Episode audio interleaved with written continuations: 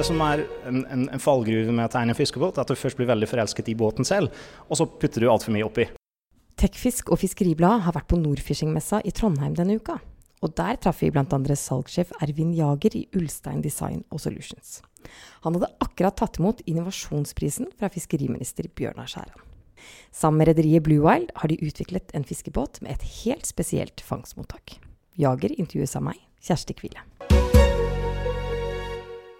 I dag så fikk eh, Ulstein Design Solution årets innovasjonspris sammen med rederiet Blue Wild. Og Ervin Jager, hva føler du nå? Det er jo veldig stas å få tildelt en sånn eh, pris. Det er en veldig gjev anerkjennelse for oss for det arbeidet vi har lagt eh, ned i prosjektet.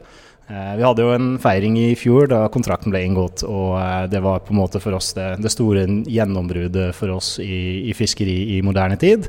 Eh, at nå også en uavhengig fagjury har vurdert dette som eh, verdig av en innovasjonspris, det setter vi stor pris på. Vi håper selvfølgelig at dette setter oss på kartet hos eh, flere som sitter med ideer som de gjerne vil se utviklet videre.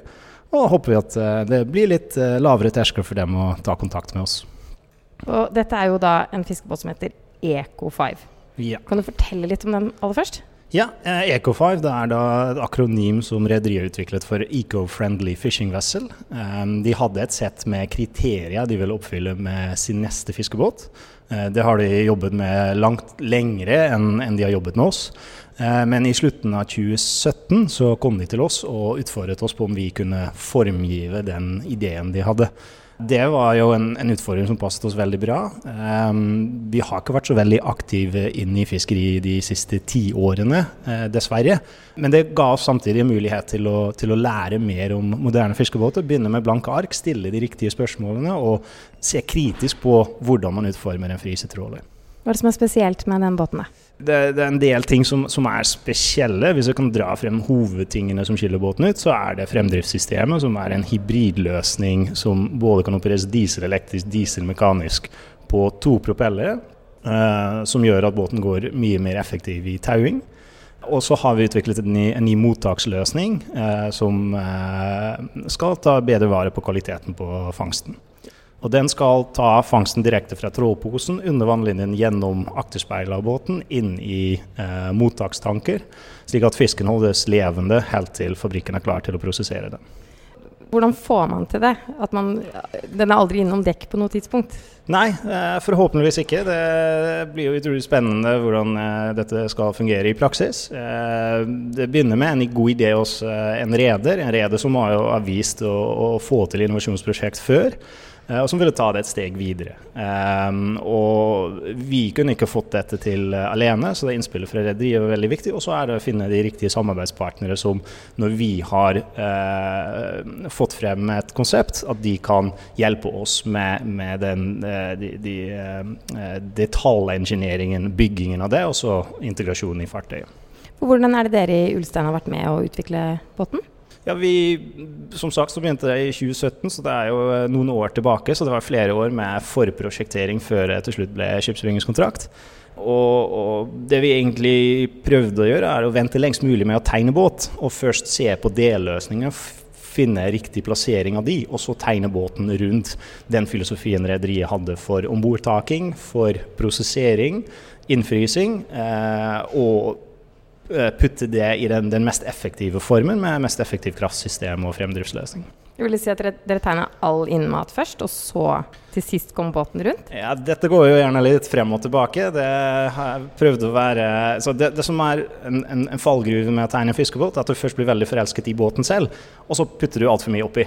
Og Det har vi til dels prøvd å unngå, men selvfølgelig så endrer ting seg underveis, og så, ja, så, så går man litt tradisjonelt til verks eh, til slutt. Ja, Men har dere putta for mye i?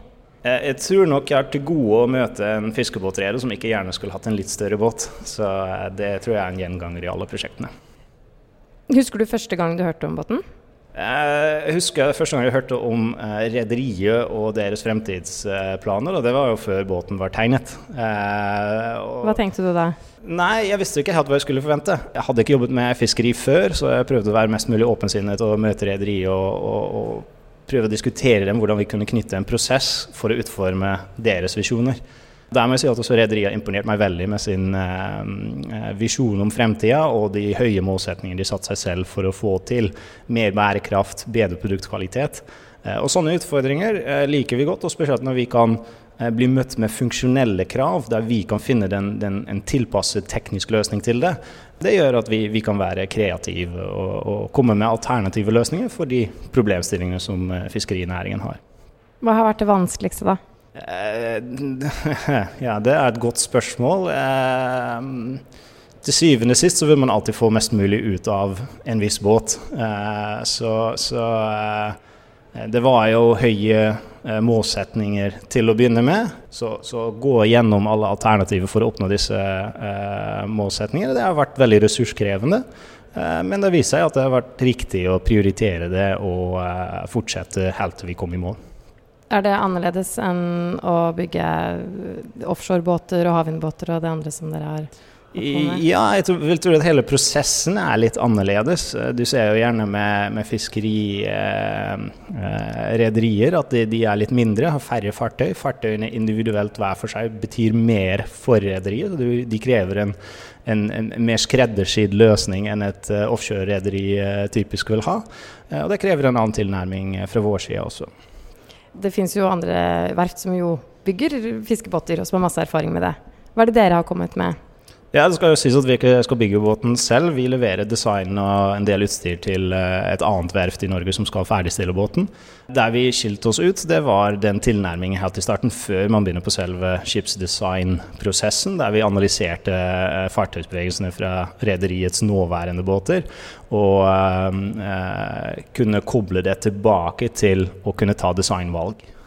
Hva var det dere så da? Det som er med skipsdesign, det er jo egentlig kunsten av å velge eh, kompromissene som passer rederiet. Eh, og det vi klarte, det var å, tilby dem en løsning som, som, har kanskje litt andre kompromisser enn en andre rederier ville typisk eh, bedt om, men som allikevel tilfredsstiller disse med funksjonelle krav. Men da f.eks. Eh, bruke mindre energi under tauing på bekostning av at båten ikke har en, en veldig høy marsjfart. Men det var et, et verdig kompromiss for dette prosjektet.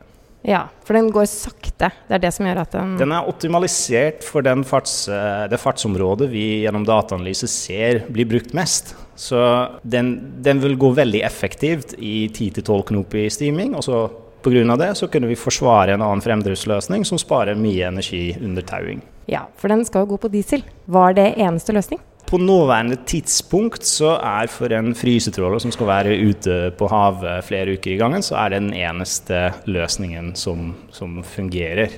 Men det skal sies at når vi i fremtiden skal mot alternative energibærere, så er jo en viktig steg å få ned energiforbruket. Så dette er på en måte første steget mot å kunne eh, implementere alternative energibærere i fartøy. Er det noe du har spesielt tro på da? Det spørs på tidsaspektet. Og eh, som vi var inne på tidligere i dag, så er jo metanol noe som vi allerede jobber med i andre prosjekt. Vi har eh, designet fartøy som er under bygging som skal driftes på metanol for et nederlandsk offshorerederi som jobber med havvind. Eh, og Der er det absolutt læring som vi kan ta inn i eh, fiskerinæringen også. Eh, metanol er på en måte det, ligger, det, som ligger nærmest når det gjelder eh, regelverk som man må forholde seg til. Eh, så det er det som man mest konkret kan jobbe med for å få en energibærer inn som reduserer miljøavtrykket betydelig, men det blir aldri helt nullutslipp. Men det kan være et godt kompromiss å satse på 80-90% reduksjon i første omgang, og ha diesel i bakhånd som backup-løsning, som nødløsning, fordi at det er kjent teknologi. Og så har dere nevnt at uh, dere ser for dere en reduksjon av drivstoffbruk på 20, fra mellom 25 til 40% Det er riktig. Uh, og hva, hva, tror du mest på? 25 eller 40? Eh, på det jevne over et års forbruk så ønsker vi å se minst 25. I enkelte operasjoner som er spesielt energikrevende, sånn som reketråling, der vil det ligge nærmere 40% Og Det er resultat av veldig mange småtiltak. Eh, effektivt fremdriftssystem, men også rordiser som, som kaster bort mindre energi når eh, skipet har rorutslag.